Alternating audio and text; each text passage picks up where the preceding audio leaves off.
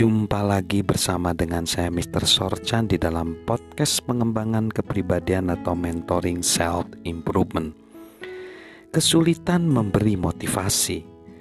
Bertahun-tahun yang lalu ketika Bill Bryan menjadi pelatih American Football University of Alabama, Crimson Tide memimpin pertandingan hanya dengan 6 poin.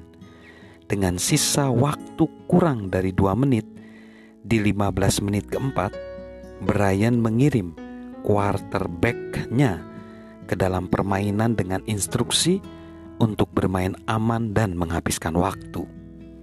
Dalam keributan itu, sang quarterback berkata, "Pelatih menyuruh bermain aman." Tapi itulah yang mereka harapkan. Ayo, kita kejutkan mereka. Dan dengan itu, dia meminta permainan operan ketika quarterback itu berancang-ancang dan melemparkan bola, penjaga sudut tim yang bertahan, yang merupakan juara lari jarak pendek, mencegat bola dan berlari ke zona akhir, berharap bisa mencetak angka. Sang quarterback yang tidak dikenal sebagai pelari yang baik mengejar si penjaga sudut dan langsung menerjangnya dari belakang, melumpuhkannya di garis lima yard itu menyelamatkan permainan. Setelah waktu bermain selesai, pelatih tim lawan mendekati Bill Bryan dan berkata, "Ada apa dengan quarterbackmu tuh kayak kesurupan dia? Dia menyerang pelariku dari belakang." Brian dengan kalem menjawab, "Anak didikmu berlari untuk ngejar enam poin kan? Anak didikku berlari untuk hidupnya. Tidak ada yang bisa memotivasi seseorang seperti kesulitan. Penyelam Olimpiade Pat McCormick berkata, "Kurasa kegagalan adalah salah satu motivator yang hebat. Setelah kekalahanku dalam pertandingan 1948, aku tahu aku bisa menjadi atlet yang sangat bagus. Itu kekalahan yang memusatkan semua konsentrasiku pada pelatihan dan tujuanku.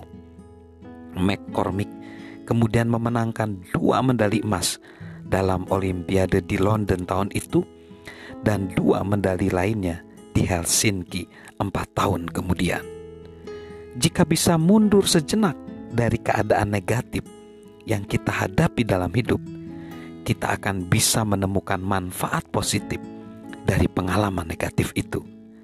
Itu hampir selalu benar kita hanya harus mencari manfaatnya dan jangan terlalu memasukkan pengalaman negatif itu dalam hati.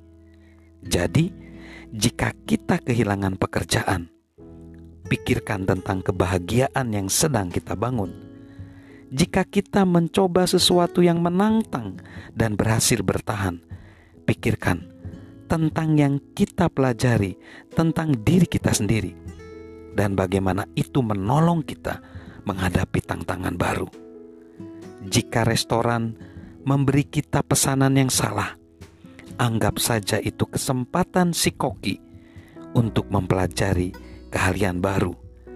Dan jika mengalami kekacauan dalam karir, pikirkanlah kedewasaan yang sedang tumbuh dalam diri kita. Lagi pula, Bill Paugen berkata, dalam permainan kehidupan, beberapa kekalahan di masa-masa awal itu bagus. Itu akan melepaskanmu dari tekanan untuk mempertahankan musim yang tak terkalahkan.